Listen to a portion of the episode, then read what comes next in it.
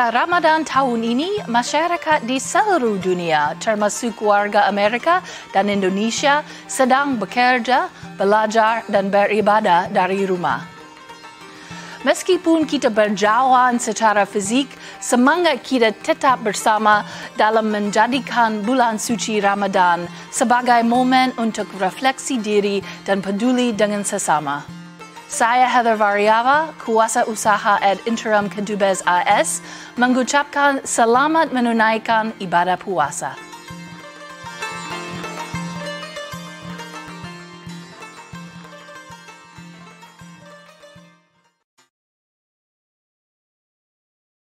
Teman-teman semua, welcome back to Ad America TV. Nama saya Jasmine, saya, saya salah satu e-guide yang ada di Ad America. Dan saya ingin mengucapkan selamat datang kepada teman-teman yang ikut partisipasi pada siang hari ini. We hope you all are doing well and staying safe during this time. Ad America is the U.S. Embassy's American Center, and our mission is to provide a space for young Indonesians to learn more about the United States. We have temporarily moved to a digital platform so you can enjoy all of our events in the comfort of your own home. Nah, gimana tadi teman-teman filmnya? Uh, seru banget ya. Uh, saya sendiri sebenarnya nggak tahu kalau plastik itu berasal dari fossil fuel. Um, tapi filmnya tadi keren banget. Nah, bagi teman-teman yang join kita di Zoom pada siang hari ini, uh, don't forget to use the Q&A box for those of you who would like to ask questions, and our panelists will answer them during the event. And for those of you who would like to say hi to other participants, you can use the chat box section. Dan bagi teman-teman yang mengikuti acara ini di uh, social media lain seperti di Twitter, Facebook, dan di YouTube, teman-teman bisa menggunakan bagian comment box untuk bertanya dan nanti pertanyaan kalian akan dijawab dengan uh, dari uh, pembicara kita. Dan pada siang hari ini kami akan uh, membicarakan tentang the story of plastic and the role of government. Nah, tapi sebelum kita mulai, uh, kami akan melakukan uh, poll. Teman-teman boleh isi pollnya. Dan uh, juga teman-teman kita punya quiz dari social media kita. Nah, teman-teman siap ya. Is it true or false? The Professional Association of Diving Instructors atau PADI is making face masks from recycled plastic. Aku ulang sekali lagi. Is it true or false? The Professional Association of Diving Instructors, or PADI, is making face masks from recycled plastic. Nah, stay tuned until the end of the event. Nanti kita akan kasih shout out bagi teman-teman yang mendapatkan jawabannya yang benar. Dan juga jangan lupa untuk selfie dan tag Instagram Amerika untuk membagi fun experience kalian pada siang hari ini. Alright, and without further ado, boleh kita langsung saja di tepuk tangan yang meriah untuk moderator kita, Mas Rahyang Nusantara dari GIDKP. Halo, Mas Rahyang.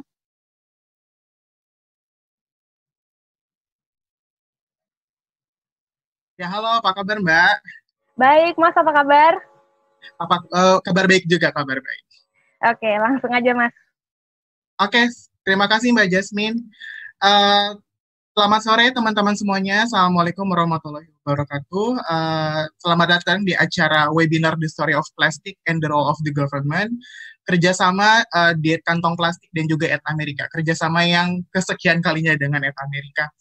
Uh, biasanya kita berada di ruangan di Pacific Place Mall. Sekarang kita uh, mencoba hal yang baru karena kita juga dalam kondisi uh, pandemik uh, COVID-19. Uh, kita mencoba hal yang baru juga gitu.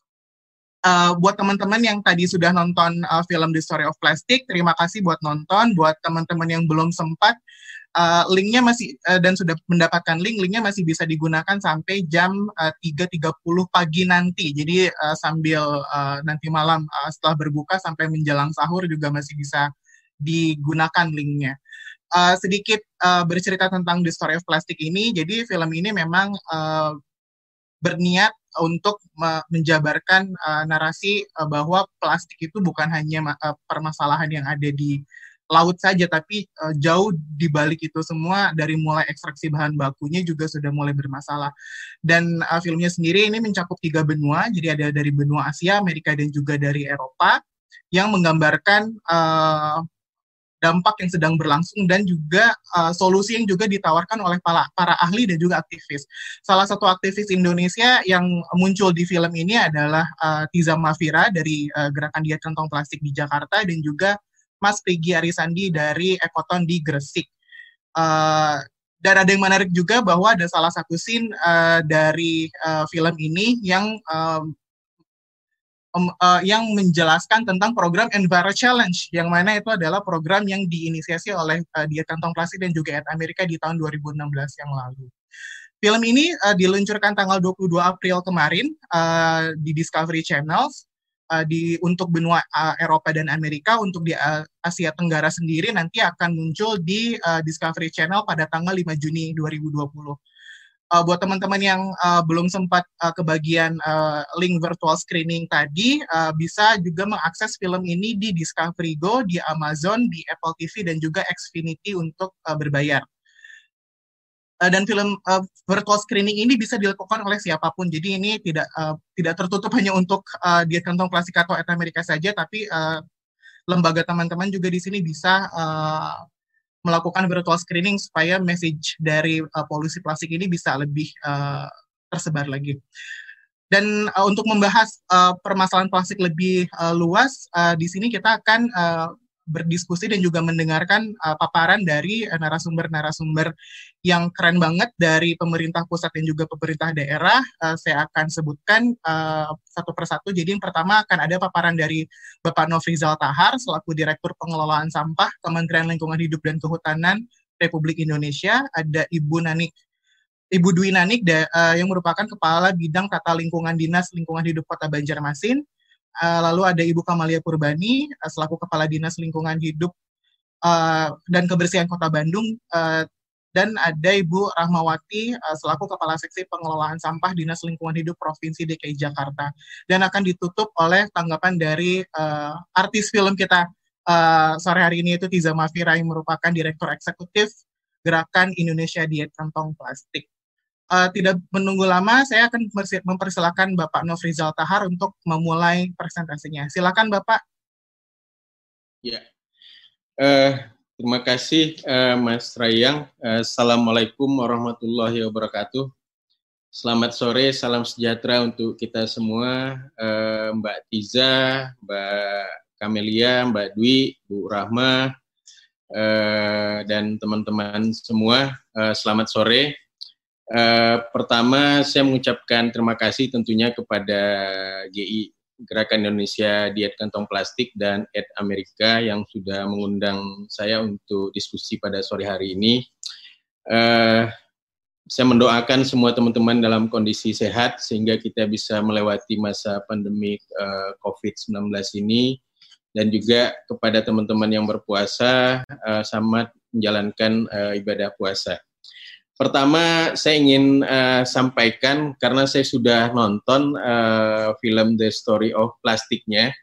Jadi saya akan memberikan sedikit review. Uh, filmnya sangat bagus sekali. Uh, filmnya sangat panjang, 1 jam 35 menit. Saya nonton 1 jam 35 menit, Mas Rayang.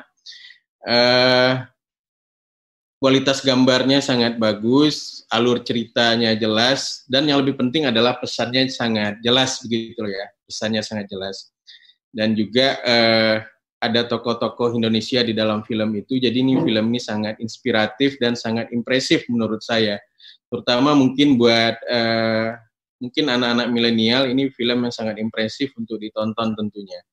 Jadi harapan saya setelah menonton film ini, saya berharap ada backman baru, terutama mungkin di uh, siapa pun yang menonton, fokusnya mungkin teman-teman uh, kalangan milenial, sehingga ada backman baru. Memang ini adalah sebuah uh, kita akan memasuki peradaban baru, memang gitulah ya.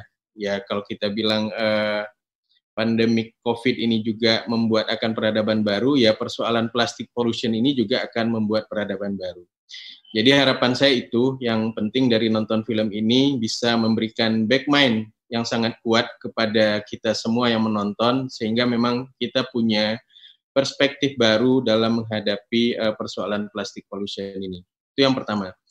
Sedikit saya memberikan kritis ya terhadap film ini. Saya nggak tahu uh, karena saya mungkin uh, sehari-harinya mengurusin sampah, birokrasi.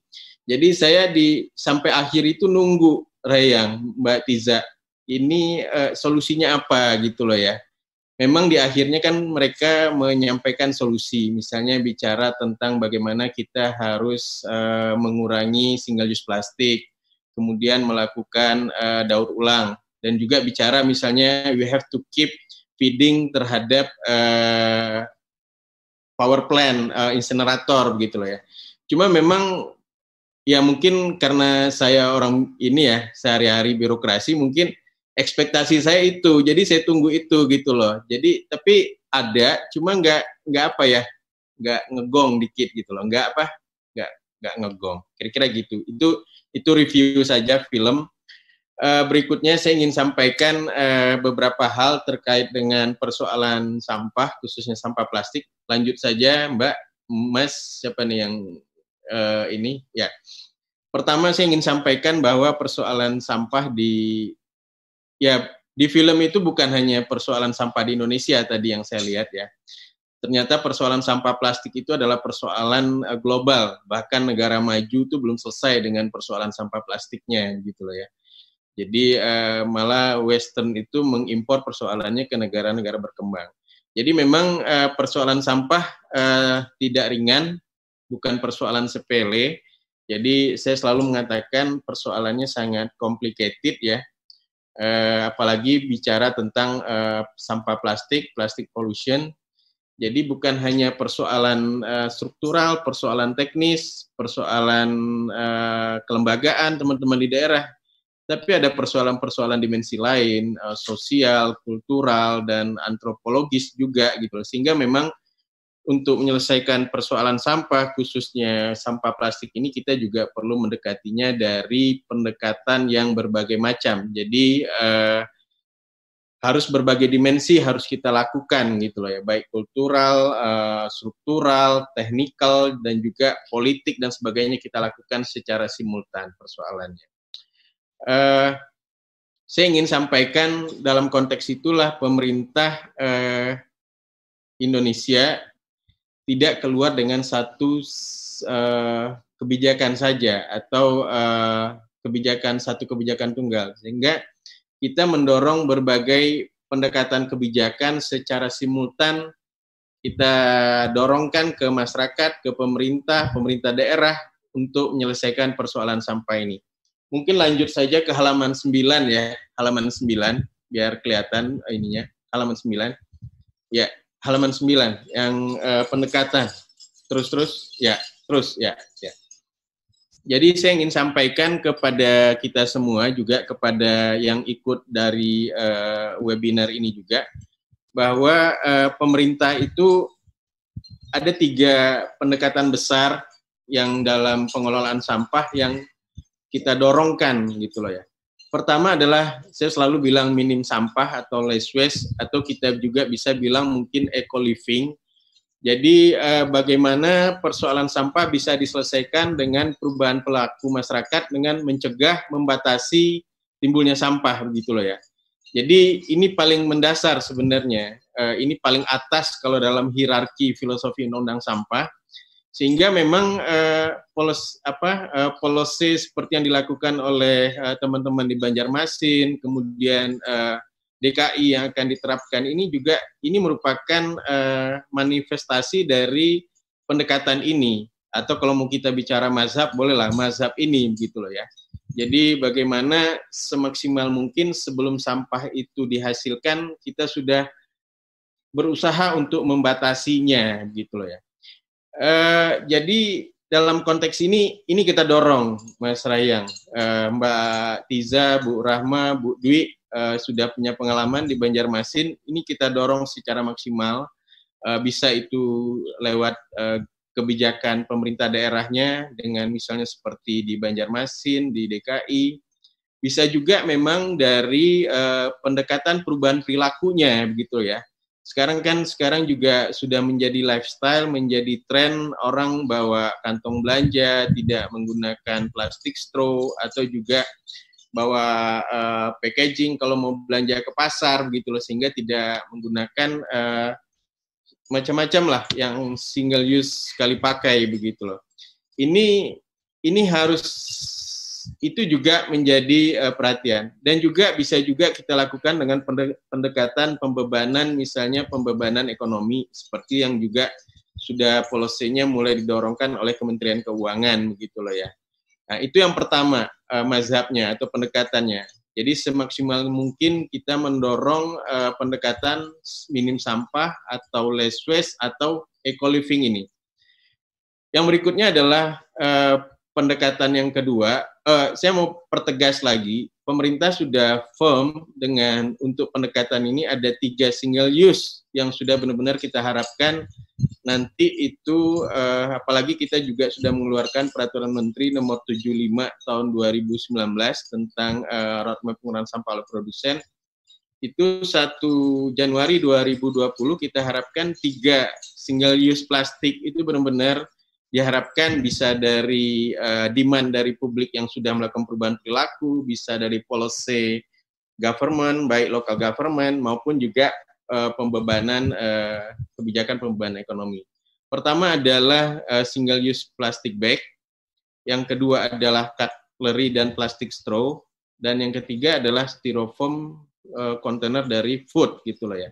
Kita berharapkan ini memang benar-benar maksimal uh, sampai 2029 atau 1 Januari 2030 itu akan mengalami passing down.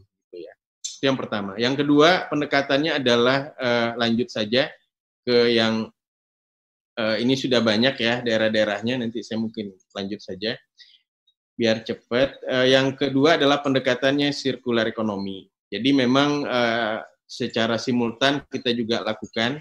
Kita sedang membangun, coba membangun sebuah sirkular ekonomi selain juga konsep, juga narasi besar juga dalam pengolahan sampah di Indonesia sehingga kita perlu juga membangun ekosistem besarnya dari hulu sampai hilir. Uh, kondisi COVID kita bisa melihat bahwa memang uh, circular ekonomi ini juga masih belum stabil ya. Mungkin banyak hal yang perlu kita lakukan. Misalnya dalam kondisi uh, harga minyak yang sangat turun drastis, ternyata sampah-sampah uh, plastik itu tidak menjadi uh, perhatian penting eh bukan perhatian tidak menjadi apa ya menjadi nilai yang baik untuk didaur ulang gitu loh ya karena memang nilai ekonominya menjadi sangat rendah-rendah sekali jadi ini juga perlu kita berikan evaluasi apakah kita perlu memberikan insentif kepada uh, industri daur ulang dan sebagainya sehingga ini menjadi lebih kompetitif tapi di satu sisi saya ingin memberikan informasi juga eh, dengan kebijakan pemerintah yang sangat ketat terhadap impor scrap eh, Mbak Tiza dan Mas Trayang ya. Eh, Alhamdulillah ini dalam kondisi COVID ini demand untuk scrap kertas dari dalam negeri itu sangat tinggi. Ya, ini saya pikir tidak terlepas dari kebijakan pemerintah yang sudah mulai sangat ketat terhadap impor scrap, baik itu scrap kertas, scrap plastik, maupun scrap logam, maupun scrap-scrap lainnya. Sehingga dengan demikian kita berharap uh, ekonomi ini bisa menjadi tumbuh dengan baik, karena demandnya juga menjadi tumbuh. Salah satunya sekarang industri kertas. Memang di industri daur ulang plastik kita mungkin perlu evaluasi, karena memang sangat bergantung kepada harga minyak yang ketiga adalah yang dilakukan pemerintah adalah pendekatan uh, pelayanan dan pendekatan teknologi. Ya, jadi uh, pemerintah berusaha meningkatkan kapasitas 514 kabupaten kota itu baik dengan berbagai policy, baik dana alokasi khusus, baik dengan dana insentif daerah, maupun juga dengan mendorong uh, dengan dalam program kegiatan Adipura supaya pemerintah daerahnya juga menjadi lebih baik lagi. Jadi eh, berbagai pendekatan kita lakukan termasuk juga eh, ada kebijakan eh, 12 kota untuk eh, waste to electricity ya. Eh, bagaimanapun kita juga perlu memberikan jaminan bahwa waste to electricity itu juga eh, adalah dengan teknologi ramah lingkungan paling tidak ukurannya adalah uh, standar emisi yang sudah kita punya, kemudian juga uh, terkait dengan pengelolaan fly ash dan bottom ash-nya, dan kemudian juga pengawasan yang dilakukan oleh pemerintah. Kemudian juga pemerintah juga pasti juga akan mendorong juga uh, policy uh, RDF uh, teknologi. Nah, harapannya memang secara simultan tiga mazhab ini bisa berjalan uh, secara maksimal.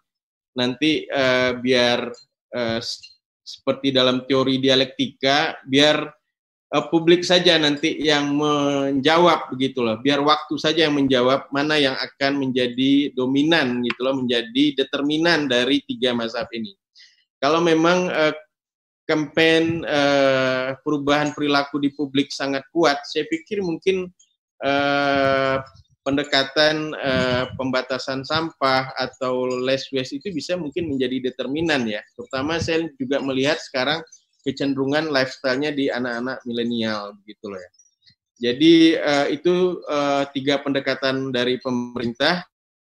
Saya mungkin akan masuk ke halaman berikutnya adalah halaman uh, halaman 4 sampai 8, halaman 4 sampai 8 lanjut saja saya ingin tunjukkan uh, selama dua tahun ini uh, sudah banyak juga perubahan-perubahan yang terjadi begitu loh. Kembali ke halaman 4, halaman 4. Ya. Uh, ya, pertama saya ingin tunjukkan ini jajak pendapat dari Kompas ya. Jadi memang uh, ternyata uh, keinginan publik untuk melakukan diet single use plastik itu sangat kuat gitu loh ya jadi bisa kita lihat angka-angkanya di November 2018 91,5 persen, kemudian Agustus 2019. Jadi keinginan itu sangat kuat di publik. Artinya apa? Kita sebenarnya sudah berhasil membuat backmind publik terhadap persoalan uh, plastik pollution ini sebenarnya. Sehingga memang kita perlu selanjutnya memberikan jalan ke mereka bagaimana mereka melakukannya gitu loh ya uh, ini ada tas bawa tas belanja, bawa tumbler, cutlery dan sebagainya ini sudah dilakukan. Itu yang pertama yang ingin saya sampaikan bahwa apa yang kita lakukan sejak tahun 2016 ya, hmm. sejak mungkin akhir 2015 kampanye besar-besaran ini secara nyata di publik sudah memberikan hasil sebenarnya. Jadi saya berharap teman-teman punya kebanggaan terhadap ini bahwa teman-teman sudah memberikan peradaban yang baru sebenarnya kepada publik gitu loh ya. Uh, berikutnya saya juga ingin tunjukkan coba slide berikutnya. Lanjut. Lanjut uh, slide berikutnya. Saya ingin tunjukkan memang kita dalam uh, program Adipura kan juga sekarang juga sangat ketat. Jadi memang uh, kita melakukan uh, ref, revitalisasi konsep besar dari Adipura ini, perubahannya sangat mendasar, sehingga hmm. memang satu hal daerah-daerah atau kota-kota yang memang uh, pengelolaan landfillnya, landfill sistemnya yang masih open dumping itu no way untuk dapat Adipura. Sehingga memang dalam dua tahun ini kita bisa lihat ada peningkatan sebenarnya gitu loh ya dari uh, yang landfill landfill yang tadinya open dumping kemudian bergerak menjadi uh, paling tidak kontrol landfill. Jadi bisa kita lihat angkanya mulai membaik itu udah hampir 60 persen gitu ya dari 15 514 kabupaten kota yang kita monitor setiap tahunnya. Lanjut. Uh, ini juga jadi tahun di akhir tahun 2018 saya punya angka uh, pengelolaan sampah yang baik yang benar di Indonesia itu masih berkisar 32 persen yang baik dan benar. Kemudian uh, di 2019 angkanya sudah hampir meningkat karena memang salah satunya adalah landfill sistemnya mulai makin uh, baik gitu loh ya. Paling tidak uh, kontrol landfill. Lanjut. Lanjut. Lanjut. Nah, saya ingin tunjukkan ini. Balik-balik ya ini yang di luar juga ekspektasi kita sebenarnya karena memang terlepas dari polemik dan uh, apa ya uh, diskusi yang sangat tajam masalah uh, pembatasan kebijakan pembatasan sampah plastik sekali pakai ini tapi saya melihat uh, ada ada apa ada ke confidence dari daerah untuk bergerak ke sana ini mungkin nggak terlepas juga dari pengalaman-pengalaman daerah yang sudah bisa melaksanakannya begitu loh ya. Karena memang seperti Banjarmasin, saya melihat justru masyarakatnya bisa beradaptasi dengan baik. Saya juga nggak pernah me melihat uh, ada uh, apa demo dari masyarakat yang menentang policy ini. Yang paling gampang saya lihat adalah uh, DKI Jakarta gitu loh yang selalu di ruang publik itu sangat rame ya, sangat rendah ya Bu Rama ya tapi saat teman uh, eh, DKI mengeluarkan policy pembatasan ini tidak ada sama sekali begitu loh ya. Jadi saya melihat bahwa memang benar itu jajak pendapat Kompas bahwa memang masyarakat itu sebenarnya sudah tahu sekarang sudah uh, siap. Nah, sekarang tinggal bagaimana pemerintah daerah juga siap dengan regulasinya sehingga ini bisa tune in berjalan. Jadi saya sekali lagi mengapresiasi kepada 30 eh, kabupaten kota yang sudah melaksanakan ini dan dua provinsi melaksanakan kebijakan ini. Dan harapan saya tentu ini akan berkembang cepat begitu loh ya, eh, karena memang melihat uh, trennya. Sekarang masuk langsung ke halaman 3, Mbak. Halaman 3. Bapak boleh dipersingkat presentasinya Pak? Ya, ini ini terakhir, ini terakhir ya. Oke, siap. Terima kasih. Jadi saya, saya ingin tunjukkan bahwa uh, di 2025 se kita pemerintah membuat key performance indicator. Salah satunya adalah pembatasan single use plastik. Kenapa saya coba kita berani mencoba menulis ini? Karena memang dalam regulasi P75 2019 uh, passing down dari single use plastik yang tiga yang saya sebut tadi itu di 1 Januari 2020. Jadi memang harap ekspektasi kita di 2025 bisa setengahnya paling tidak daerah bisa melakukan policy ini. Itu yang ingin saya sampaikan kepada teman-teman semua. Uh, Mudah-mudahan uh, ini bisa kita bergerak cepat dan terima kasih kepada teman-teman dari aktivis eh, aktivis-aktivis yang sudah mendorong ini dengan baik. Assalamualaikum warahmatullahi wabarakatuh. Saya kembalikan ke Raya. Ya. Ya, terima kasih Pak. Uh, selanjutnya uh, saya mau langsung ke Ibu Dwi Nanik berhubung di Banjarmasin sebentar lagi akan buka puasa. Jadi Ibu silakan uh, waktunya Bu.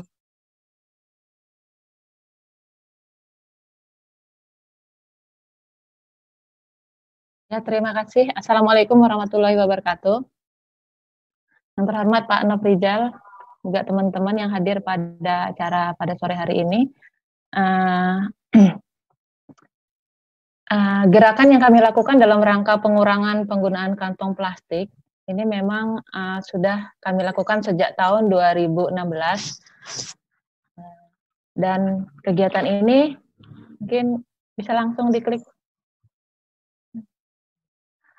Nah, kegiatan ini memang uh, mengacu pada perwali yang sudah kami terbitkan di tahun 2016 itu tentang pengurangan penggunaan kantong plastik karena memang uh, pemerintah kami memang mencoba untuk konsisten dari sejak tahun 2000, 2016 sampai dengan saat ini kami masih uh, bekerja terus-menerus dalam rangka untuk mengurangi penggunaan kantong plastik. Nah, jadi memang Kota Banjarmasin merupakan salah satu kota besar yang memang luasannya kecil, yang mempunyai jumlah penduduk kurang lebih 700 ribu jiwa. Dan uh, setiap harinya sampah yang kami hasilkan kurang lebih 490 sampai dengan 500 ton per hari. Ya, lanjut. Ya. Nah, sejak tahun 2016 pemerintah Kota Banjarmasin telah mencoba untuk melakukan gerakan pengurangan uh, sampah. 2016 itu kami mengeluarkan peraturan wali kota tentang pengurangan penggunaan kantong plastik di 2017 juga kami mengeluarkan tentang himbauan pengurangan penggunaan kantong plastik di sekolah-sekolah. Nah ini memang secara konkret memang kami telah kami laksanakan dan ini juga uh, berkaitan dengan kegiatan sekolah adiwiyata dan sekarang sudah ada sekitar 117 sekolah adiwiyata yang ikut dalam program pengurangan penggunaan plastik sekali pakai, terutama penggunaan tumbler di sekolah. Dan rata-rata sekolah yang ada di Kota Banjarmasin kurang lebih satu sekolah itu ada sekitar 400 sampai 600 murid ya. Dan alhamdulillah yang yang mengikuti kegiatan sekolah adiwiyata mereka juga telah mengikuti program ini. Juga kami mengeluarkan juga uh, surat edaran tentang kewajiban ASN menjadi nasabah bank sampah. Alhamdulillah ini di pemerintah Kota Banjarmasin kami sudah punya bank sampah dan memang diwajibkan bagi ASN di Kota Banjarmasin minimal mereka bisa menabung sampahnya satu bulan itu dua kilo minimal. Dan alhamdulillah kita punya nasabah sekitar 300-an, 300-an nasabah dan setiap minggunya itu bisa mengurangi sampah sekitar 500 kilo.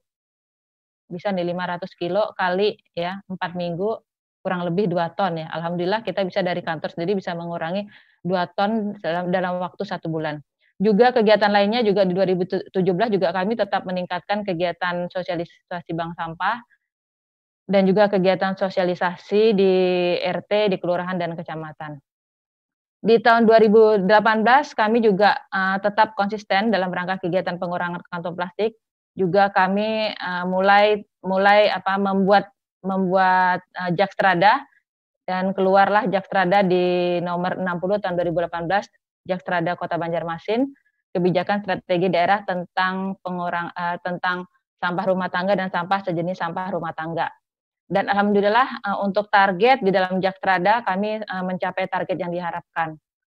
Dan juga penambahan sarana dan prasarana lainnya yang berkaitan dalam rangka pengurangan pengurangan uh, sampah. Dan di tahun 2019 itu kami uh, telah uh, mengeluarkan lagi surat edaran tentang pengurangan penggunaan kantong plastik di seluruh rumah ibadah, baik itu masjid, langgar, dan musola, ini kami lakukan pada saat hari raya kurban yang memang ada uh, yang memang uh, kami berharap dari uh, kegiatan hari raya kurban itu kemasannya tidak menggunakan plastik tetapi menggunakan uh, bakul purut yaitu khas uh, khas wadah atau kayak tas belanja gitu yang terbuat dari yang terbuat dari dari tumbuhan purun. Juga mengeluarkan himbauan penggunaan tumbler dan juga peningkatan bank sampah terus menerus kami lakukan di setiap tahunnya karena memang uh, kami ingin artinya semua proses pengurangan sampah ini juga dirasakan oleh masyarakat yang ada di Kota Banjarmasin baik dari RT, sekolah, juga kantor, jadi semuanya juga uh, bisa ikut serta dalam rangka pengurangan sampah. Di tahun 2020 ini kami telah uh, mengeluarkan himbauan yang berkaitan pilah-pilih sampah dari sumbernya. Ini mengacu dari kegiatan pilah uh, pilah-pilih sampah dari rumah, pilah pilah-pilih sampah dari rumah, dan uh, dan itu juga kami meningkatkan uh, peningkatan bank sampah dan juga kegiatan-kegiatan sosialisasi sosialisasi sosialisasi sosialisasi lainnya di kelurahan, RT dan kecamatan. Ya, lanjut. Lanjut, ya. Ini uh, peran serta masyarakat dari dukungan masyarakat itu dapat kami sampaikan bahwa ada tahun 2016 kami punya bank sampah 102 sampai meningkat sampai tahun 2020 sekitar 297. Walaupun pada kenyataannya, pada kenyataannya yang artinya masyarakat yang benar-benar aktif dalam bank sampah ini tidaklah uh, sebanyak ini, tetapi hanya sekitar 70 persennya aja. Kenapa? Karena memang ternyata uh, proses bank sampah ini memang perlu banyak sekali uh, perlu banyak sekali uh, artinya kaitannya dengan masalah jual beli dan kita tergantung sekali harga untuk di bank sampah ini uh, tergantung dari swasta dan itu menyebabkan beberapa bank sampah yang ada di RT itu uh, ada yang tidak bisa berjalan secara baik, ada yang mati suri dan ada juga yang tetap eksis mereka.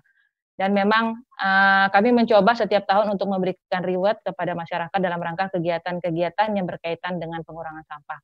Juga kegiatan sekolah sekolah adiwiyata dan saat ini di Banjarmasin ada sekitar 300 sekolah yang uh, di bawah pemerintah Kota Banjarmasin dan alhamdulillah sudah 117 sekolah ini masuk sekolah adiwiyata dan mereka juga ikut uh, dalam rangka kegiatan uh, untuk pengurangan penggunaan sampah sekali pakai juga kegiatan kami lainnya ada duta lingkungan yang sampai sekarang juga uh, kita lakukan rutin di dua tahun sekali dan kegiatan-kegiatan lainnya juga pengelolaan TPS 3R. Lanjut.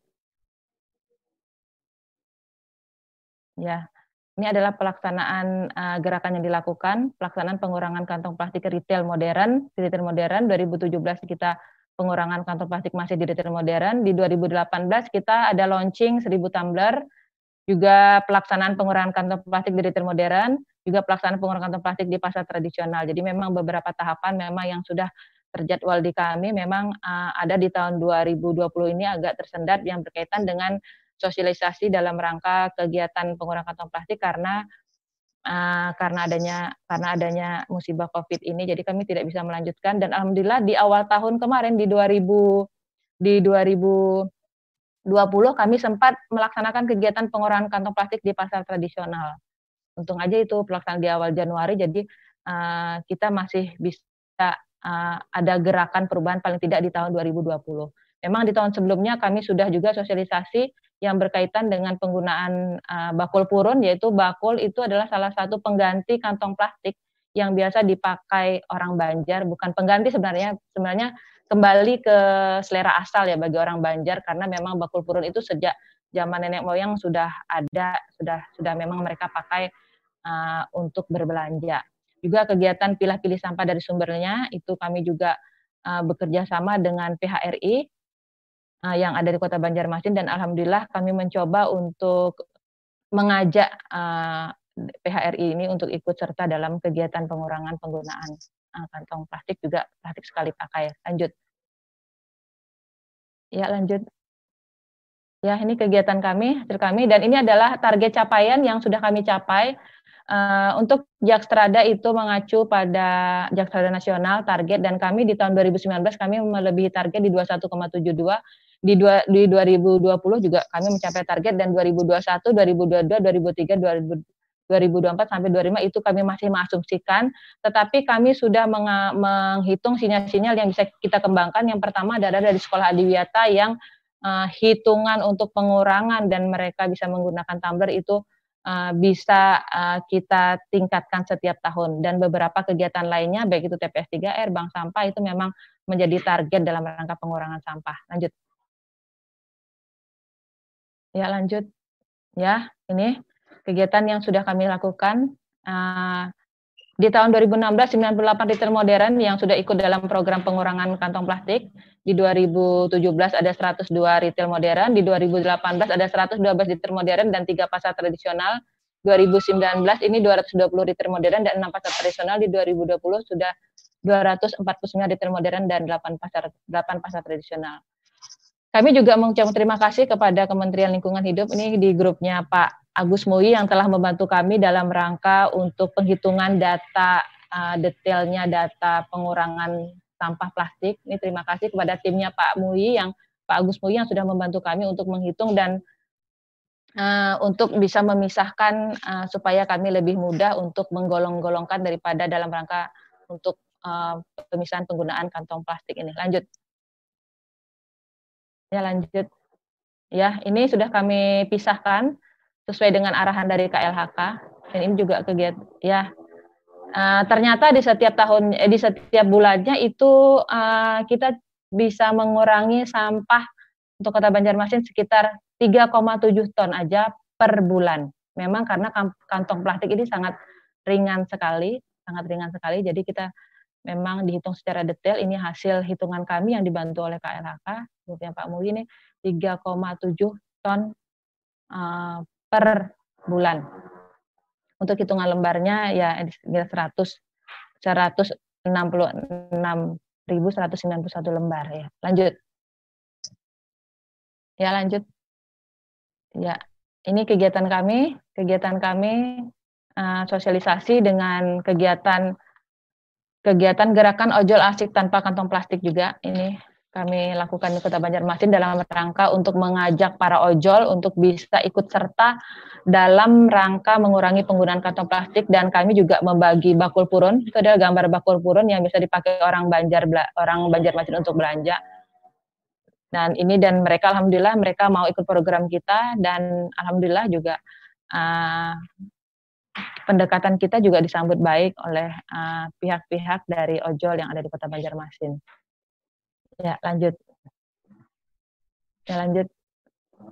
Ya, ini kegiatan kami, kegiatan Bapak Wali Kota, juga untuk kegiatan pengurangan penggunaan kantong plastik. Ya, lanjut. Ya. Ya, ini kegiatan kami, 1000 tumbler. Ya, ini kegiatan kami untuk mendata sampah yang eh, mendata penggunaan penggunaan kantong plastik yang ada di uh, mall paling besar di Kota Banjarmasin yaitu di Duta Mall Kota Banjarmasin. Juga kami bekerja sama dengan Duta Lingkungan Hidup Kota Banjarmasin untuk uh, membuat data ini. Dan alhamdulillah kita setelah mendapatkan data yang saya tampilkan tadi itu adalah kerja kami di tahun 2019 akhir itu untuk uh, membuat data itu. Lanjut. Ya, lanjut. Ya, ini kegiatan sosialisasi kami di pasar. Kami ada kegiatan di pasar tradisional juga dalam rangka ini di awal Januari kita terakhir yang bisa sosialisasi. Alhamdulillah terakhir kita sosialisasi di delapan pasar tradisional yang ada di Kota Banjarmasin. Dan alhamdulillah masyarakat juga menyambut baik dan uh, tidak ada komplain dan tidak ada masalah. Mereka juga tidak tidak merasa keberatan karena memang ini adalah budaya mereka yang asli yaitu belanja pakai bakul purun dan kita uh, sosialisasikan kembali dan alhamdulillah mereka menyambut dengan baik. Mungkin ini aja yang bisa saya sampaikan. Uh, mudah-mudahan ini bisa menjadikan bisa menjadikan ya kalau dibilang ya cara salah satu cara yang kami yang bisa kami lakukan di Kota Banjarmasin walaupun sedikit kami tapi mencoba untuk berbuat mudah-mudahan ini bisa bermanfaat bagi uh, Kota Banjarmasin dan juga bagi Indonesia secara umum. Terima kasih. Wassalamualaikum warahmatullahi wabarakatuh. Waalaikumsalam warahmatullahi wabarakatuh. Terima kasih Ibu Dwi Nani. Inspira inspiratif sekali Banjarmasin seperti biasanya. Uh, banyak juga eh, ide-ide uh, untuk uh, direplikasi juga ya buat uh, kota kabupaten lain yang mungkin akan uh, juga baru melakukan uh, hal yang sama dalam pengurangan kantong plastik. Selanjutnya saya mau mengundang Ibu uh, Kamalia Purbani, uh, Kepala Dinas Lingkungan Hidup dan Kebersihan Kota Bandung untuk uh, memberikan paparannya mengenai pengurangan uh, kantong plastik di Kota Bandung. Pada Ibu Kamalia, mangga Bu.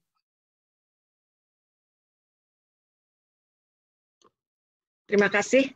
Uh, berapa lama waktu yang diberikan kepada saya? Karena udah uh, sore. Ya, 10 menit Bu maksimal Bu. 10 menit, oke. Okay. Kalau gitu mungkin ada beberapa yang akan saya skip ya. Uh, Pak Nofrisal yang saya hormati, juga uh, Ibu dan Bapak sekalian peserta webinar pada sore ini. Uh, saya ingin menyampaikan atau berbagi tentang upaya yang telah dilakukan oleh pemerintah Kota Bandung uh, yang terkait dengan penggunaan pengurangan penggunaan kantong plastik. Eh, gerakan untuk pengurangan kantong plastik sebetulnya sudah dimulai sejak tahun 2010, eh, di mana pada saat itu sudah dimulai kampanye yang dilaksanakan oleh eh, wali kota sebelum Pak Ridwan Kamil ya. Dan kemudian pada tahun berikutnya kami sudah mulai menyusun peraturan daerah dan pada tahun 2012 ini sudah terbit peraturan daerah tentang uh, pengurangan penggunaan kantong plastik. Ya. Dan cukup memerlukan waktu yang cukup lama dari dari mulai Perda. Nah, pada saat itu disepakati bahwa ada kebijakan uh, kantong plastik tidak gratis. Dan saat itu sudah mulai berjalan dilakukan oleh retail karena lebih mudah untuk mengukur ya slide-nya mungkin saya tidak pakai kalau slide jadi lama ya. Uh, langsung saja ke tren pengurangan kantong plastik setelah uh, penerapan KPTG. Ini pada uh, Perda 17 tahun 2012 ini sudah terbit. Kemudian ada uh, kebijakan kantong plastik tidak gratis. Nah, dalam uh, implementasinya kami melihat ada beberapa yang perlu diatur lebih detail melalui sebuah perwal. Nah, dalam jangka waktu 2012 sampai terbitnya Perwal tahun 2019, ini penggunaan kantong plastik yang tidak gratis itu terus berjalan. Ya. Hanya pada saat itu memang belum ada satu target-target yang uh, jelas gitu. Kemudian juga bagaimana strateginya seperti apa, action plan-nya seperti apa, kemudian juga komitmen dari pelaku usaha dan penyedia kantong plastik untuk menyediakan KPRL dan KRL-nya juga belum diatur. Kemudian juga insentif dan disinsentifnya belum terlalu diuraikan dalam perda. Kemudian peran serta masyarakat. Dan penetapan kawasan pengurangan penggunaan kantong plastik itu belum diatur. Sehingga peraturan wali kota tahun nomor 37 tahun 2019 adalah mengatur tentang hal tersebut. Ya. Uh, kami memiliki target yang cukup mungkin uh, ambisius ya bahwa dalam lima tahun ini 100% itu secara bertahap kantong plastik ini sudah tidak lagi digunakan. Kenapa kami memang pengurangan ya? Karena memang pertama perdanya adalah pengurangan. Kemudian dan pada masa sekarang kami menganggap bahwa itu adalah sesuatu yang paling realistis walaupun sering ada pertanyaan kenapa perdanya bukan pelarangan gitu. Uh, satu memang karena perdanya adalah pengurangan, uh, yang kedua kami memerlukan waktu gitu untuk betul-betul melarang sampai betul-betul ada solusi pengganti dari penggunaan kantong plastik sekali pakai itu. Ya. Uh, tadi sebagaimana disampaikan oleh Pak Nofrisal bahwa dalam perwal ini setelah perwal itu diberlakukan kami menyusun beberapa uh, strategi implementasi ya selain memang bahwa kantong plastik itu tetap tidak gratis adalah kami juga melakukan uh, focusing. Focusingnya kepada tadi itu yang seperti yang disampaikan oleh Pak uh, Nofrisal bahwa penggunaan bukan semua plastik yang kami uh, fokuskan untuk dikurangi bahkan kemudian dilarang. Yang pertama adalah single use. Yang kedua adalah uh, untuk uh, tadi itu apa ya uh, sedotan dan penggunaan-penggunaan sendok garpu dari plastik yang yang juga sekali pakai. Kemudian yang tentunya styrofoam ini udah ada aturan tersendiri sampai sekarang di Bandung ini mungkin hampir tidak pernah digunakan karena kami melakukan uh, memang itu untuk pelarangan di situ.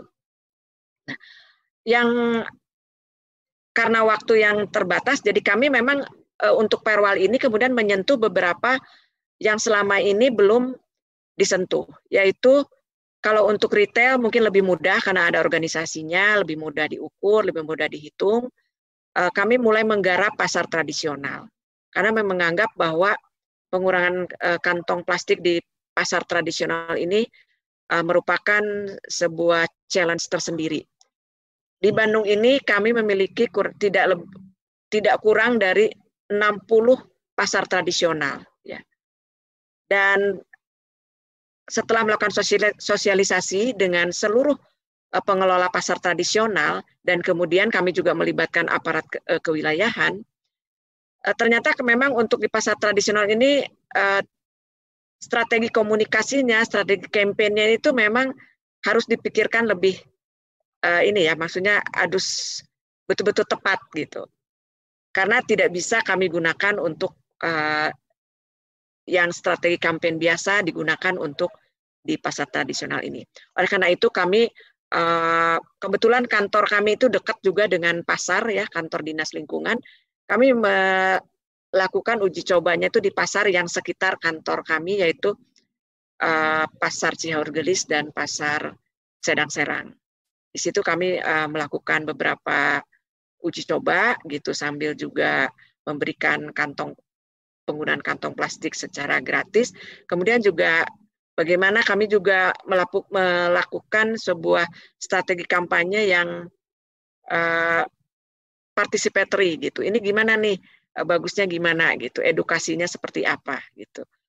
Uh, dan itu sedang sekarang masih berjalan ya di pasar tradisional ini sebuah tantangan tersendiri.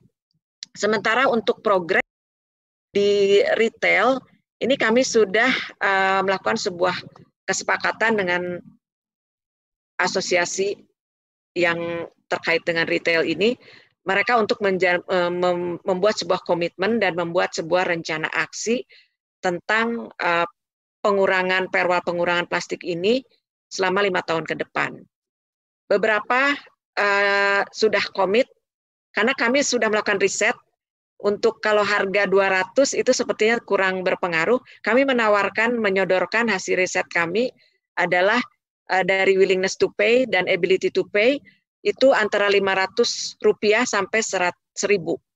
Nah, tetapi untuk 500 ini baru disepakati oleh beberapa retail yang konsumennya menengah ke atas. Sementara untuk yang retail yang lokasi maupun segmennya melayani uh, menengah ke bawah, mereka masih menerapkan uh, di angka 200 gitu. Uh, secara rutin kami melakukan sebuah pemantauan ya dan ini alhamdulillah konsisten dilakukan oleh pengusaha retail dan untuk mengukurnya ini memang uh, belum terlalu signifikan ya adanya pengurangan karena masih mungkin masih nganggap belum terlalu uh, ngaruh gitu ya kalau harganya hanya 500 ataupun 200 tetapi ada pengurangan gitu. Nah, uh, saya juga kebetulan ada Pak Nofrisal juga di sini. Uh, apa yang kami lakukan ini terkait dengan bagaimana mengintegrasikan ke, kebijakan pengurangan penggunaan plastik ini dengan kebijakan pemerintah Kota Bandung. Kami kan sudah memiliki perda baru terkait pengelolaan sampah yaitu Perda 9 tahun 2018 di mana betul-betul ada perubahan signifikan dari paradigma kumpul angkut buang menjadi kurangi, pisahkan dan manfaatkan. Uh, dalam uh, itu kurangi ini betul-betul mungkin sayangnya waktu itu Pak uh, Kementerian LHK Pak Novisa tidak hadir ketika kami melakukan sebuah festival Kang, Pisman. Ini sudah menjadi sebuah gerakan yang sangat masif di Kota Bandung ini dan uh, pada saat ini secara implementasinya ini dilakukan oleh seluruh uh, kelurahan dan kecamatan di Kota Bandung. Kami sudah memiliki 146 kawasan bebas sampah dan secara bertahap uh, pengelolaan sampah yang di hulu ini sudah mulai dilakukan pada skala uh, TPS. Dan uh, dari hitungan kami ini setahun dari setahun kemarin ini per hari kami sudah bisa mengolah kurang lebih 90 ton sampah di tidak di ujung gitu, tapi di pusat-pusat daur ulang. Dan mudah-mudahan dengan adanya uh, akan ada hibah kepada pemerintah Kota Bandung juga. Dalam waktu dekat ini juga akan dibangun beberapa pusat olah organik. Dan kami mentargetkan walaupun di dalam Jakstrada adalah dalam lima tahun ini lima, eh, 30 persen, tetapi eh, wali kota Bandung eh, dan kami semua masyarakat kota Bandung dan kelurahan kecamatan kelurahan ini sudah memiliki target yang cukup uh, mungkin di, dianggap ambisius adalah 50 persen di uh, akhir tahun 2024 ya. Uh, mulai tahun ini diwajibkan setiap sekarang ini sudah ada 146 eh, kawasan bebas sampah tapi dia berbasis RW.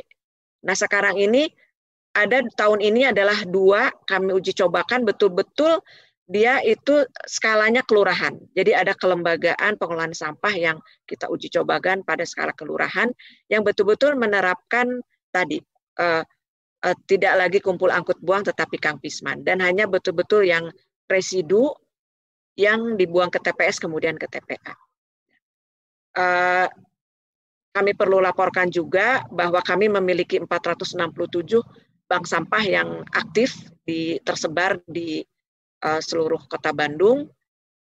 Dan untuk yang tahun ini untuk tahun ini sebagai informasi juga bahwa kami memiliki Dinas Lingkungan Hidup dan Kebersihan Kota Bandung juga uh, menanggung beban untuk penyapuan jalan gitu. Penyapuan jalan karena selama ini kan uh, pengelolaan sampah ini dikelola perusahaan daerah mulai tahun ini secara bertahap dan tahun depan ini akan dikelola oleh dinas tahun ini ada uh, penyapuan jalan bulan Oktober ini sudah ke kami ya dan pada saat di satu sisi juga tahun depan adalah kami uh, mengelola sampah.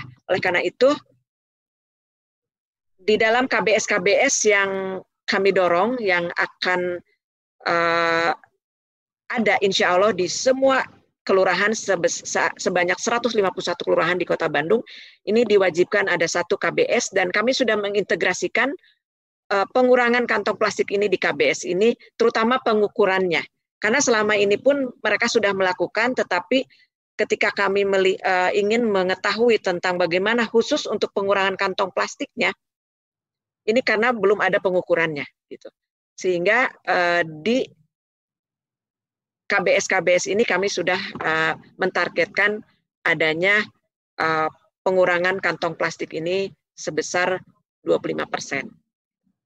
Dan untuk di pasar, ini untuk tahun ini kami tetapkan dulu dua pasar ini dengan uh, strategi yang sifat uh, yang apa ya uh, bottom up gitu. Ini mau bagaimana gitu. Jadi kami kadang-kadang uh, juga perlu masukan dari yang akan melaksanakan uh, di pasar itu peng, pengelola pasar kami libatkan, aparat kewilayahan kami libatkan sehingga mudah-mudahan lebih efektif.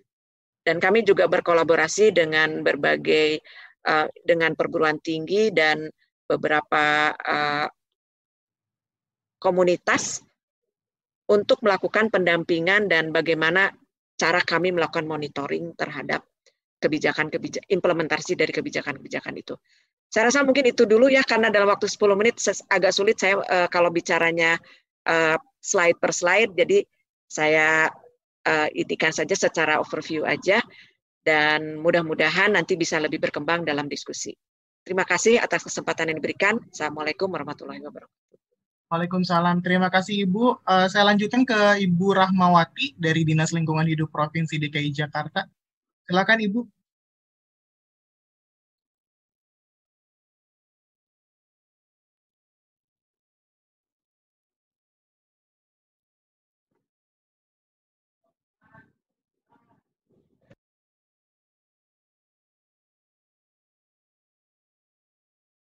Baik, eh, Assalamualaikum warahmatullahi wabarakatuh.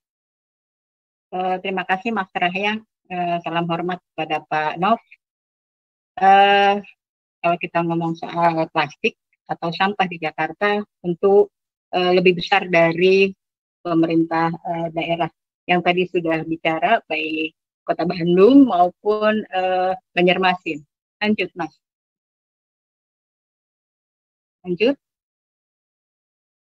Nah, kalau kita ngomong soal uh, sampah tadi, uh, sebenarnya uh, komposisi sampah di Jakarta seperti apa? Dan ini ada komposisi sampah di Jakarta uh, mulai dari sumber kemudian kita juga pernah melakukan uh, di TPS dan uh, eh, TPA ya.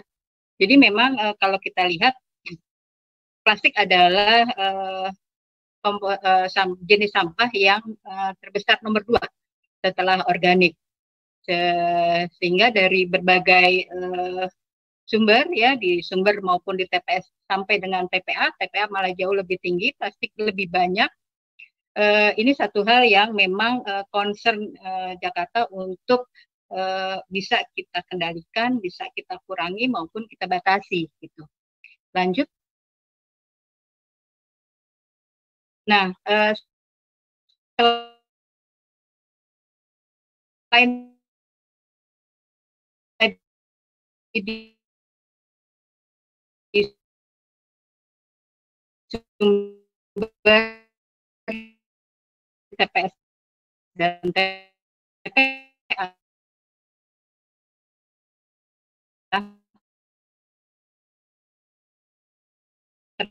ternyata di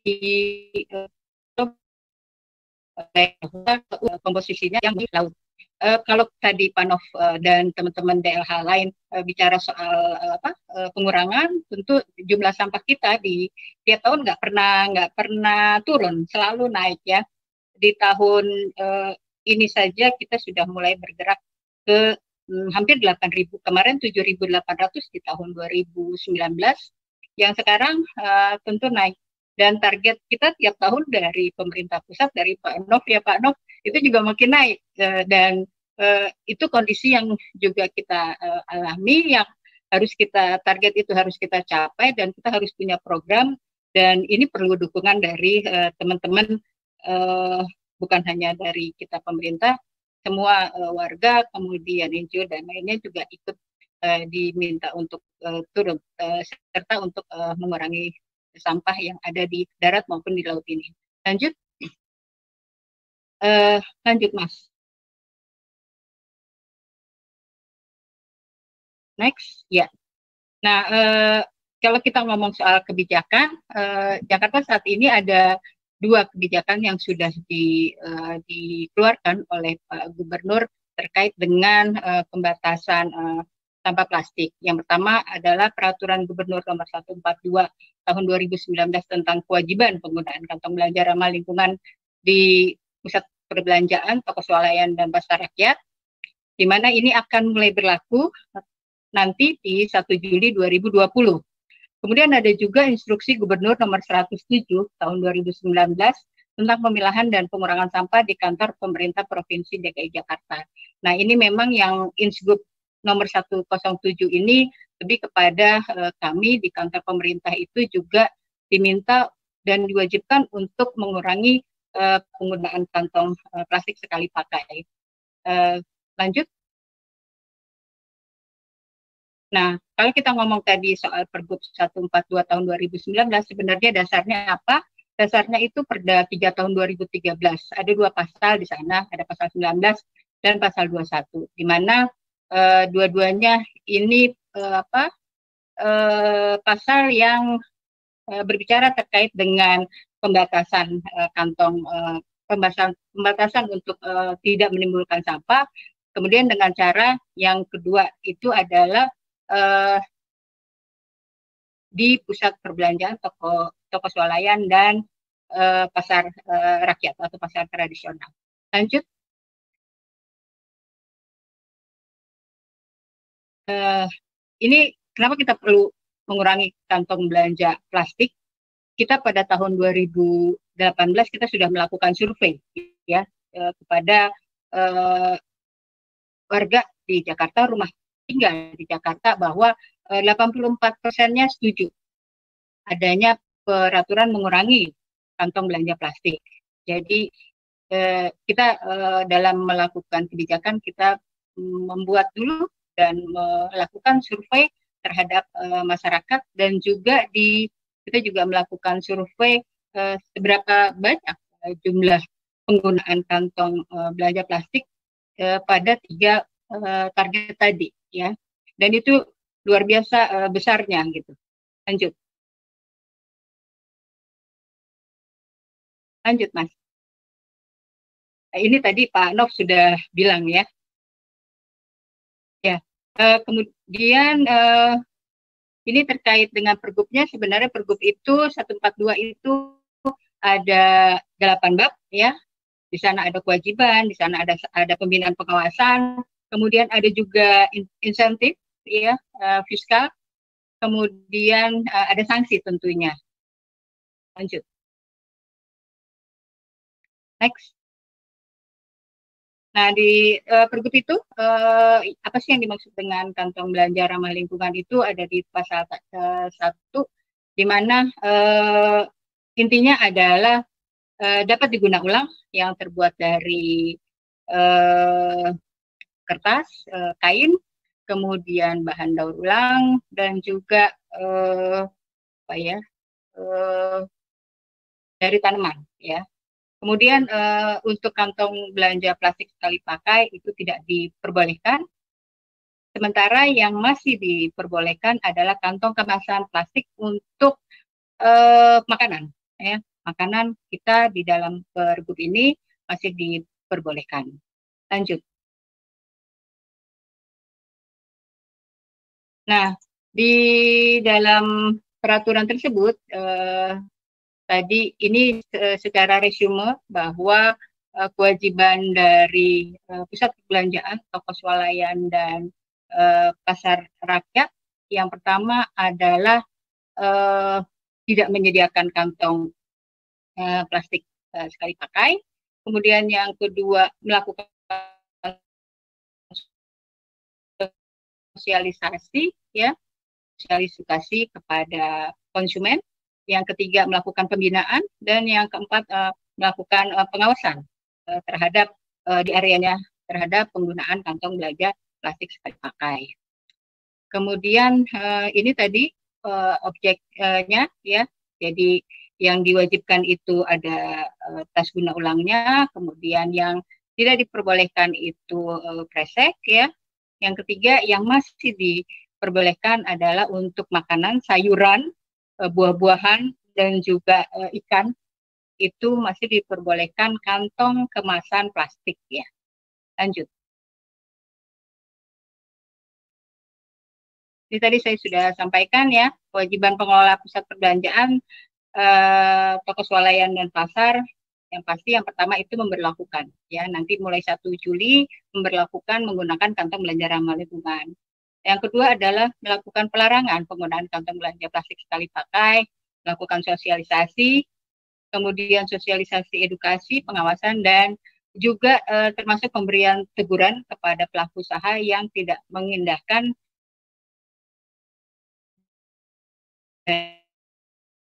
dari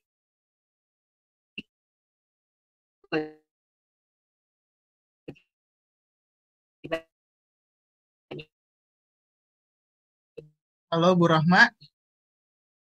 Sepertinya sinyalnya ada sedikit gangguan. Ya, silakan lanjutkan. Ya, next, Mas. Uh, ini untuk uh, kewajiban pelaku usaha di pelaku usahanya ya di dalam pusat perbelanjaan itu uh, sama juga ya tidak menyediakan kantong plastik sekali pakai, kemudian uh, menyediakannya secara tidak gratis, menerapkan prosedur sosialisasi dan juga sosialisasi pemakaian kantong belanjanya itu sendiri dan juga uh, melakukan prosedur sosialisasi untuk dampak negatif terhadap penggunaan plastik sekali pakai. Lanjut. Nah, hak masyarakat juga ada di dalam pergub itu. Yang pertama mendapatkan wadah berupa uh, kantong ramah lingkungan yang mudah ya. Jadi jangan harus cari-cari ya. Mereka dengan mudah uh, tersedia kantong belanja ramah lingkungan itu. Kemudian juga uh, masyarakat berhak untuk membawa sendiri dan uh, menolak kalau dikasih kantong belanja plastik. Yang ketiga, memperoleh informasi dari pelaku usaha tentang jenis uh, bahan kantong belanjanya itu. Lanjut. Uh, di dalam pergub itu juga ada sanksi ya, ada sanksi yang uh, penanggung jawab, penanggung jawab atau uh, owner dari uh,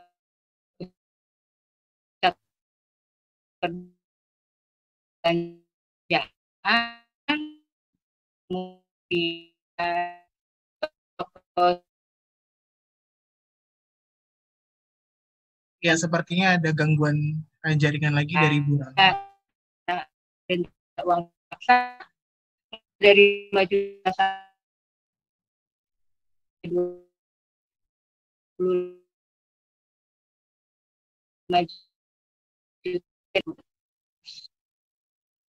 Uh, lanjut ke ya lanjut lanjut saja langsung ke slide 21 mungkin ya.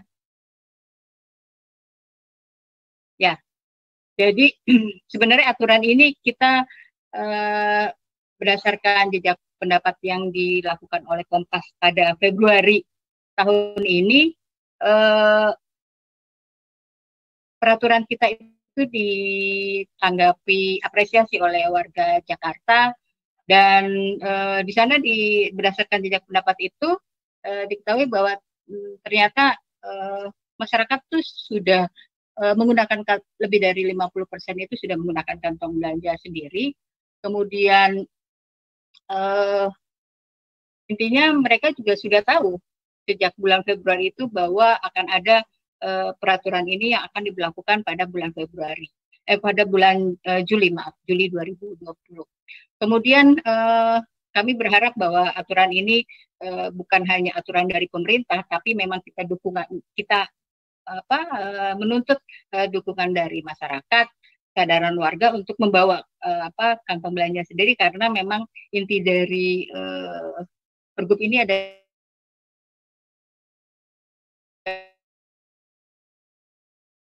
perubahan perilaku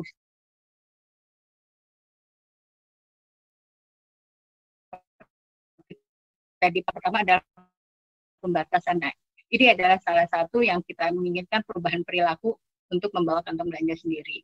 Nah, tadi tentang aturan. Kemudian ketika kita bicara soal program, sebenarnya eh, Jakarta sudah eh, juga memiliki beberapa program terkait dengan eh, pengurangan eh, sampah plastik ini.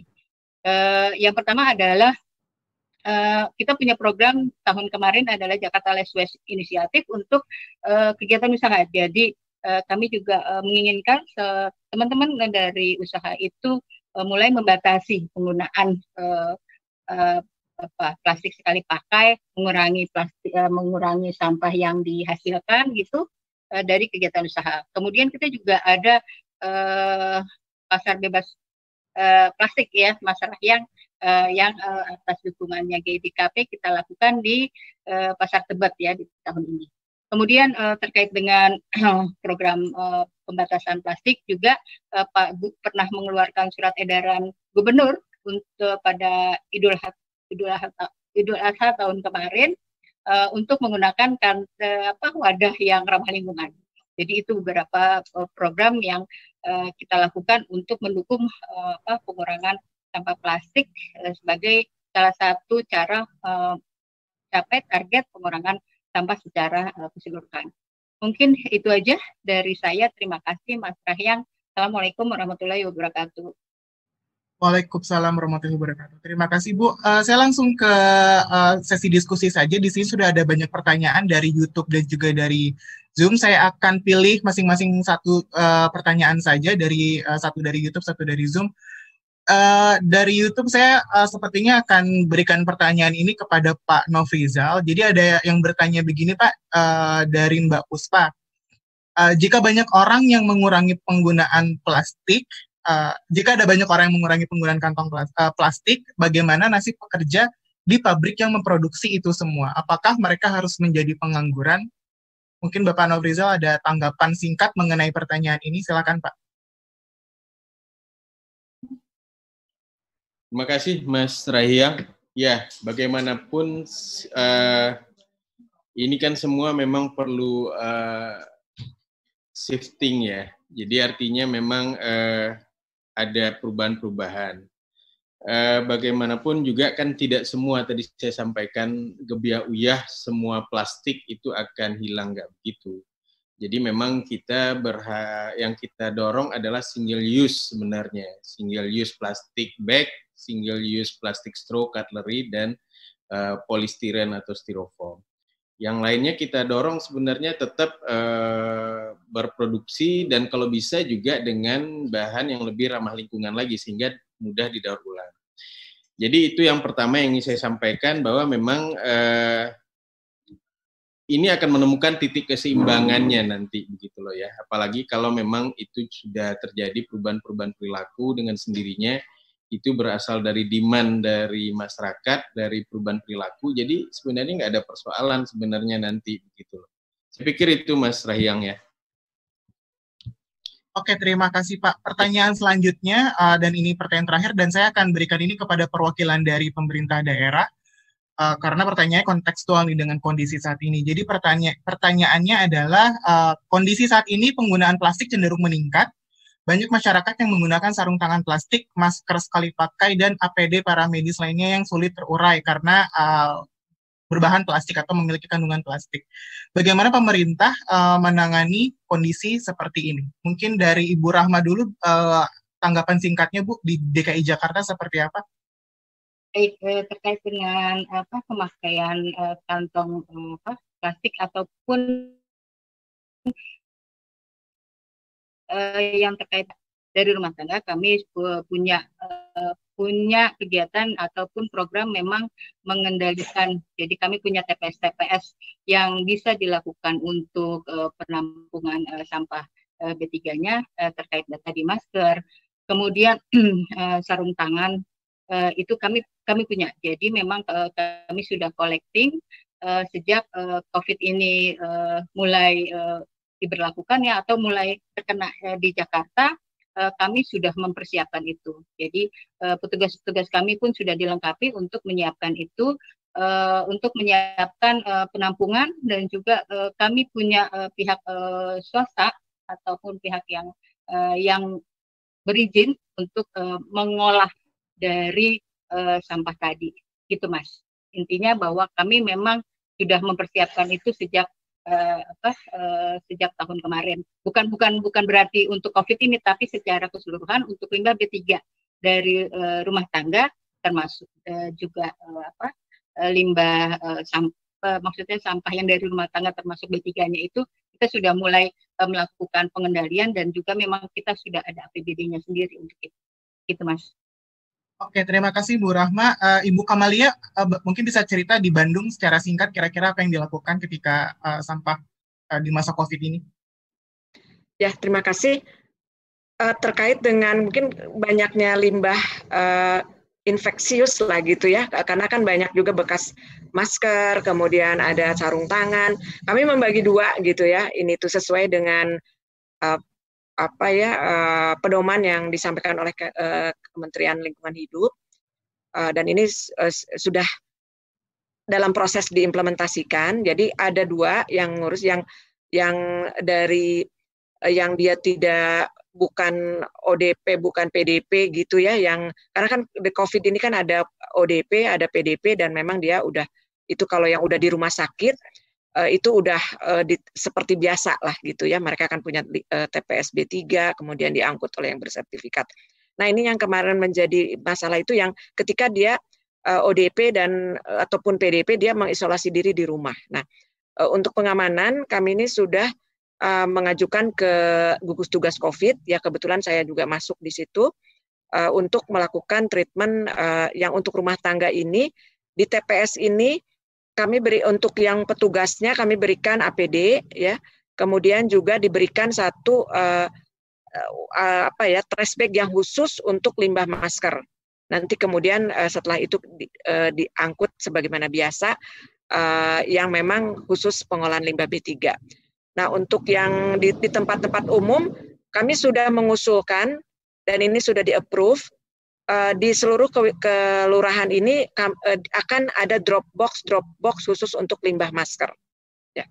Mungkin itu seperti itu yang dan ini sudah di uh, approve untuk segera diimplementasikan dalam waktu dekat. Untuk APD bagi uh, pengolah sampah di tiap kelurahan ini sudah dilaksanakan, begitu juga trash bag, tetapi yang untuk uh, drop box di di area publik ini sedang dalam proses pengadaan.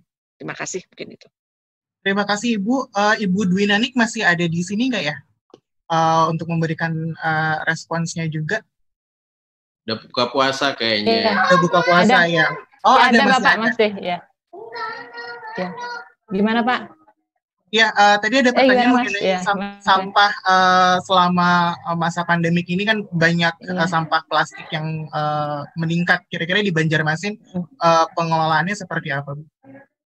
Uh, kalau kita di Kota Banjarmasin ini uh, sampahnya memang untuk saat pandemik ini memang lebih lebih banyak dari biasanya karena berpas-pasan dengan uh, Ramadan dan kita meningkat sampahnya di Kota Banjarmasin sekitar 20 ton per hari peningkatan sampah yang ada di Kota Banjarmasin. Dan untuk uh, sampah B3-nya itu uh, di sini juga hadir teman saya dari uh, Dinas Lingkungan Hidup Kota Banjarmasin Pak Wahyu yang menangani sampah B3 nanti mungkin Pak Wahyu bisa bisa uh, ikut menyampaikan secara detailnya. Tetapi kami memang sudah uh, membagi uh, drobok-drobok yang khusus yang LB3 dan kami juga sudah menghitung kira-kira uh, uh, limbah B3 yang dihasilkan selama selama uh, pandemik ini itu kurang lebih di angka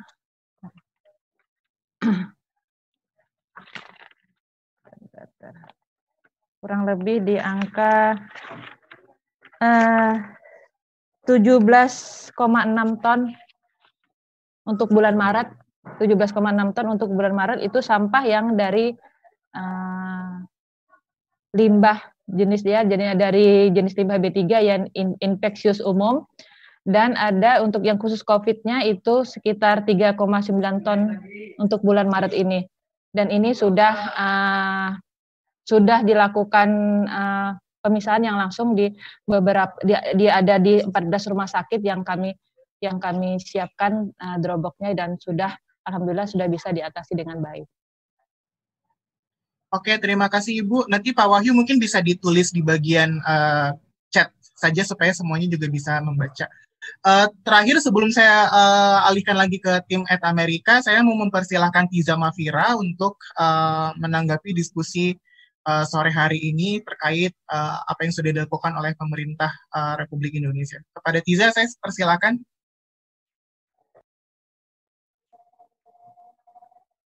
Halo, selamat sore semuanya. Assalamualaikum warahmatullahi wabarakatuh. Um, terima kasih banyak kepada Pak Novi, kepada Bu yeah. Kamalia, Bu Dwi, Bu ya. Rahma yeah. uh, yang sudah memberi materi dan terima kasih juga kepada teman-teman yang sudah ikut webinar hari ini, uh, sudah nonton filmnya. Terima kasih banyak. Hmm, hmm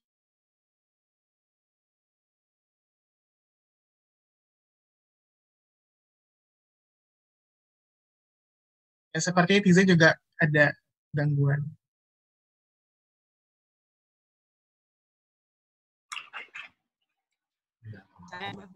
Uh, banyak sekali yang tadinya tidak diketahui uh, dari film tersebut uh, setelah nonton film tersebut uh, mengetahuinya gitu dan banyak yang uh, bilang bahwa ini eye opening uh, apa uh, mencengangkan. Ada juga yang bilang depresi. Oke, ini sedih banget, ini horor banget film ini gitu. Ada yang bilang seperti itu.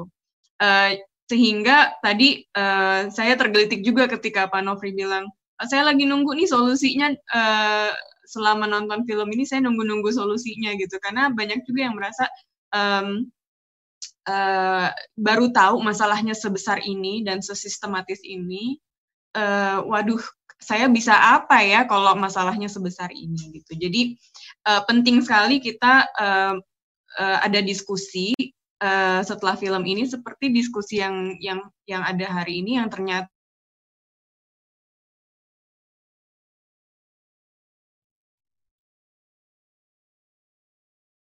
Ya, sepertinya terputus koneksi dengan Mbak Tiza. Halo Tiza, apakah masih ada di sana? Uh, kalau dari uh, sisi gerakan Indonesia diet kantong plastik dan juga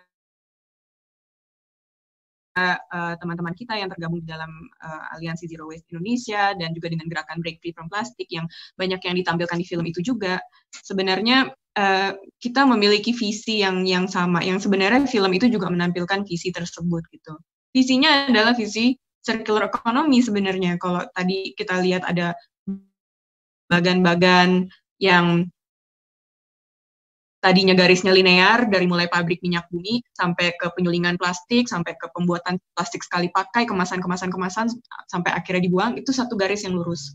Ter, tapi ketika ini dihilangkan sumber um, ekstraktifnya dihilangkan fosil fuel minyak bumi dihilangkan virgin plastik dihilangkan kita bisa membuat suatu ekonomi yang sirkuler ketika kita selalu menggunakan bahan-bahan yang sudah ada dan industri daur ulang pun akan akan uh, tumbuh pesat karena sudah pasti uh, ada demand untuk eh, barang-barang uh, yang didaur ulang.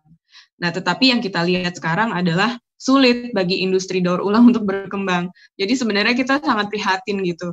Uh, industri daur ulang ada industri yang sangat penting, bagi circular economy, tetapi mereka sangat-sangat um, sulit gitu ya untuk bertahan dan maju karena uh, sulit untuk be, um, melakukan kompetisi dengan uh, virgin plastics dengan industri yang uh, menghasilkan plastik-plastik uh, dari fosil fuel murni gitu dari dari bahan baku yang baru gitu.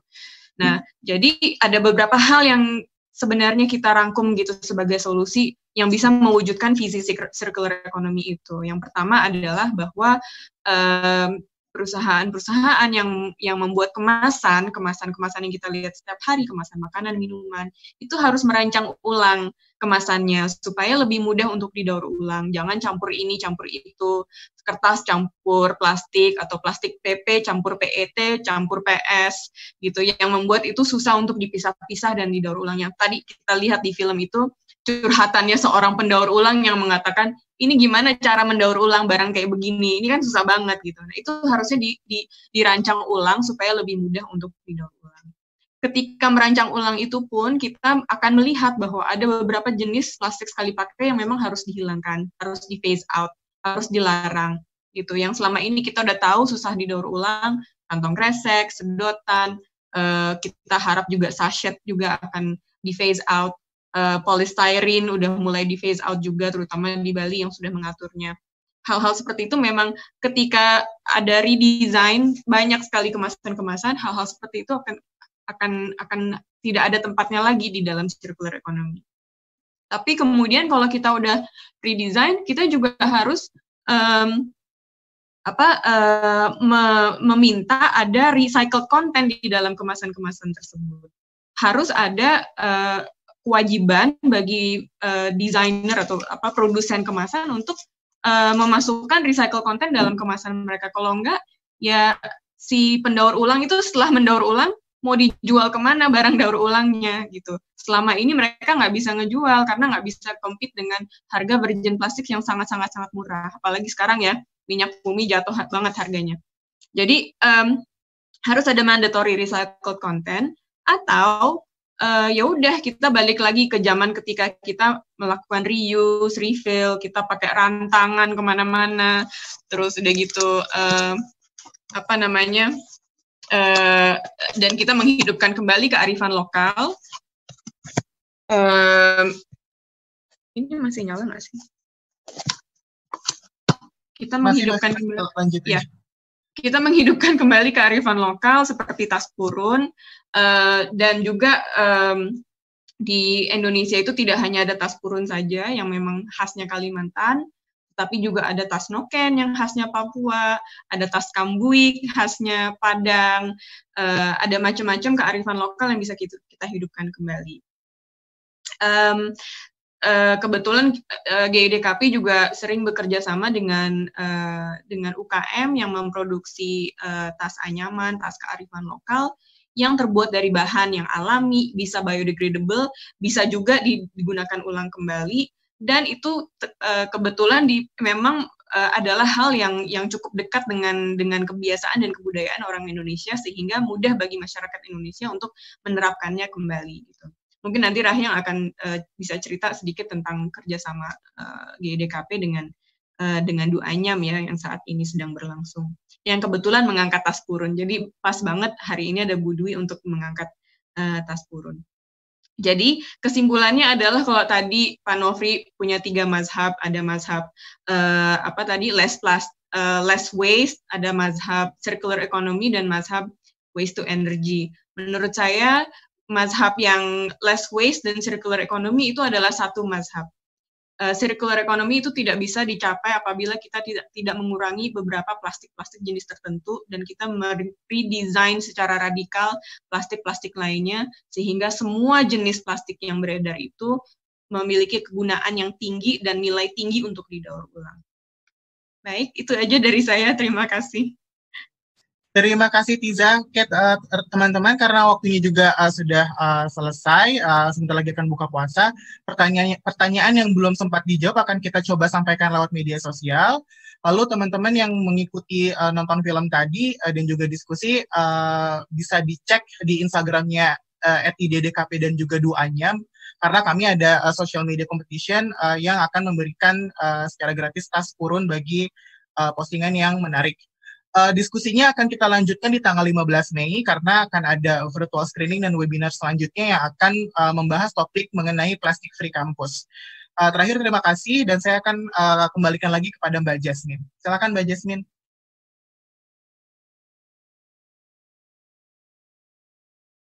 Oke, terima kasih para pembicara hari ini untuk uh, ilmunya pada sore hari ini. Dan terima kasih juga Mas yang sudah moderator acara kita pada sore hari ini. Nah, teman-teman, tadi uh, di awal acara tadi aku tanya true or false the Professional Association of Diving Instructors atau PADI is making face masks from recycled plastic. Dan jawabannya adalah true. This scuba group is turning plastic that once polluted the ocean into face masks to help people protect themselves. Jadi pemenangnya adalah Azira Zalma Alida Majid. Selamat ya Azira untuk memenangkan ke uh, quiz kita pada siang hari ini. Eh sore hari ini. Nah, teman-teman terima kasih semuanya sudah mengikuti uh, acara kita. Don't forget to tune in next time and catch a chance to get a shout out from us lain kali uh, partisipasi dalam kuis kita juga ya. Dan teman-teman mungkin ada yang uh, penasaran gimana sih caranya untuk um, membuat acara diet Amerika. Caranya gampang banget. Teman-teman bisa langsung aja ke website kita di www.atamerica.org.id, create a program, dan klik collaborate with us. Nanti semua proposal teman-teman akan direview dan mungkin teman-teman akan mendapatkan kesempatan untuk bikin acara di sini. Uh, dan jangan lupa juga untuk subscribe di YouTube channel kita dan follow kita di social media kita juga di @amerika di Facebook, Twitter dan juga Instagram. Oke teman-teman, uh, mungkin sekarang saatnya kita pamit dulu bagi teman-teman yang ingin uh, berbuka puasa. Boleh silakan teman-teman persiapannya. Uh, hope to see you all again at the next Ad America TV event. Bye-bye everybody.